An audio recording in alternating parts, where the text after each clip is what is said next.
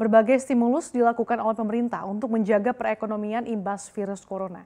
Salah satunya dengan menerbitkan utang. Dan lalu seperti apa posisi utang pemerintah Indonesia saat ini akan saya ulas untuk Anda dalam beban utang Indonesia karena corona.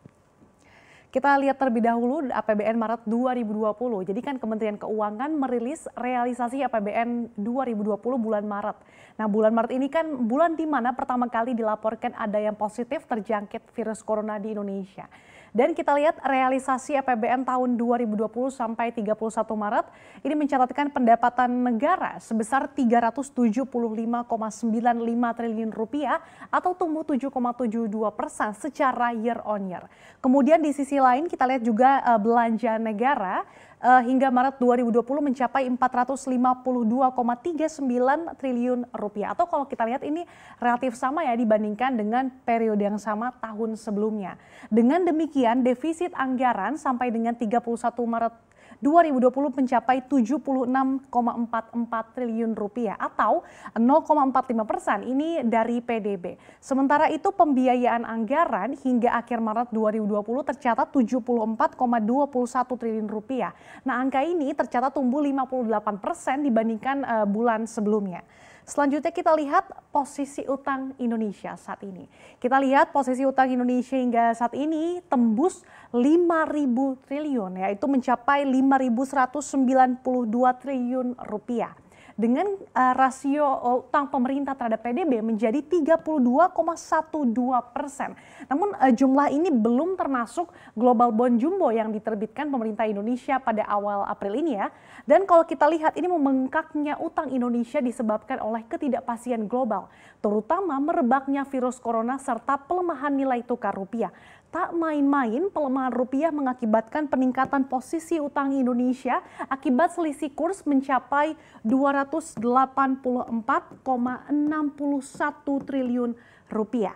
Nah, kalau kita lihat dari secara rinci ya, utang pemerintah masih didominasi dalam bentuk surat berharga negara yang mencapai 4.292 triliun rupiah ini atau 82,67 persen dari total utang pemerintah. Dan ini terdiri dari SBN domestik 3.036 triliun rupiah dan SBN falas 1.200 triliun rupiah. Sementara ada sebanyak 899 triliun atau 17,3 persen dari total utang pemerintah dalam dalam bentuk pinjaman. Nah, ini terdiri dari pinjaman dalam negeri 10,2 triliun dan pinjaman luar negeri 889 triliun rupiah. Selanjutnya kita lihat bagaimana peringkat utang RI. Kita lihat yang pertama dari lembaga pemeringkat Fitch Ratings. Jadi Fitch ini memberikan peringkat utang pemerintah pada level triple B atau layak investasi dengan outlook stabil. Nah, Fitch Ratings menilai bahwa dampak pelonggaran defisit APBN di tengah pandemi COVID-19 ini akan bergantung pada seberapa besar penerbitan surat utang berdenominasi asing serta kondisi penerimaan negara. Namun Fitch melihat bahwa kenaikan drastis utang pemerintah karena defisit APBN yang melebihi 3 persen dari PDB ini dapat mempengaruhi penurunan peringkat. Resiko lain ini adalah berlanjutnya penurunan cadangan devisa karena risiko capital outflow yang masih terus membayangi. Selain itu, Fitch memprediksi pertumbuhan ekonomi Indonesia karena corona akan melemah menjadi 2 persen pada tahun 2020 dari 5 persen tahun lalu dengan resiko penurunan yang signifikan tergantung pada perkembangan virus dan langkah-langkah yang diambil pembuat kebijakan untuk mengatasinya. Selanjutnya dari Moody's, ini Moody's menetapkan peringkat utang Baa2 uh, atau like investasi terhadap surat utang pemerintah ini dengan outlook stabil ya, dengan denominasi dolar Amerika Serikat termasuk ini untuk mengatasi dampak COVID-19.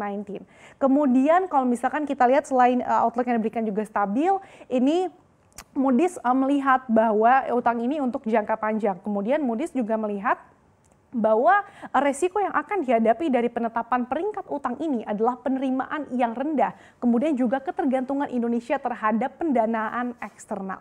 Selain itu, eh, meskipun Moody's mengatakan bahwa defisit transaksi berjalan dan anggaran Indonesia ini masih rendah, namun tekanan yang berkepanjangan terutama gara-gara virus corona ini akan semakin membani kemampuan utang Indonesia yang sudah lemah dan menguji ketahanan eh, ketahanan eksternal.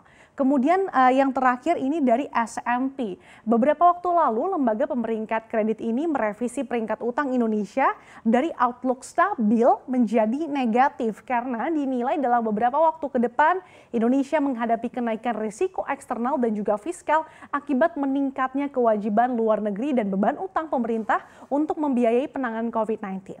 Namun S&P tetap mempertahankan peringkat utang Indonesia berada di level triple B atau like investasi. Kemudian S&P memandang bahwa nilai tukar rupiah yang sempat terdepresiasi berdampak negatif terhadap sektor eksternal dan meningkatkan biaya utang luar negeri sehingga ini dapat mempengaruhi kemampuan pemerintah dalam membayar kewajibannya. Selain itu, kenaikan defisit fiskal akan memperbesar jumlah utang pemerintah dalam beberapa tahun ke depan. Namun, SNP memahami bahwa kenaikan defisit tersebut ini merupakan dampak dari langkah-langkah extraordinary yang diambil oleh pemerintah.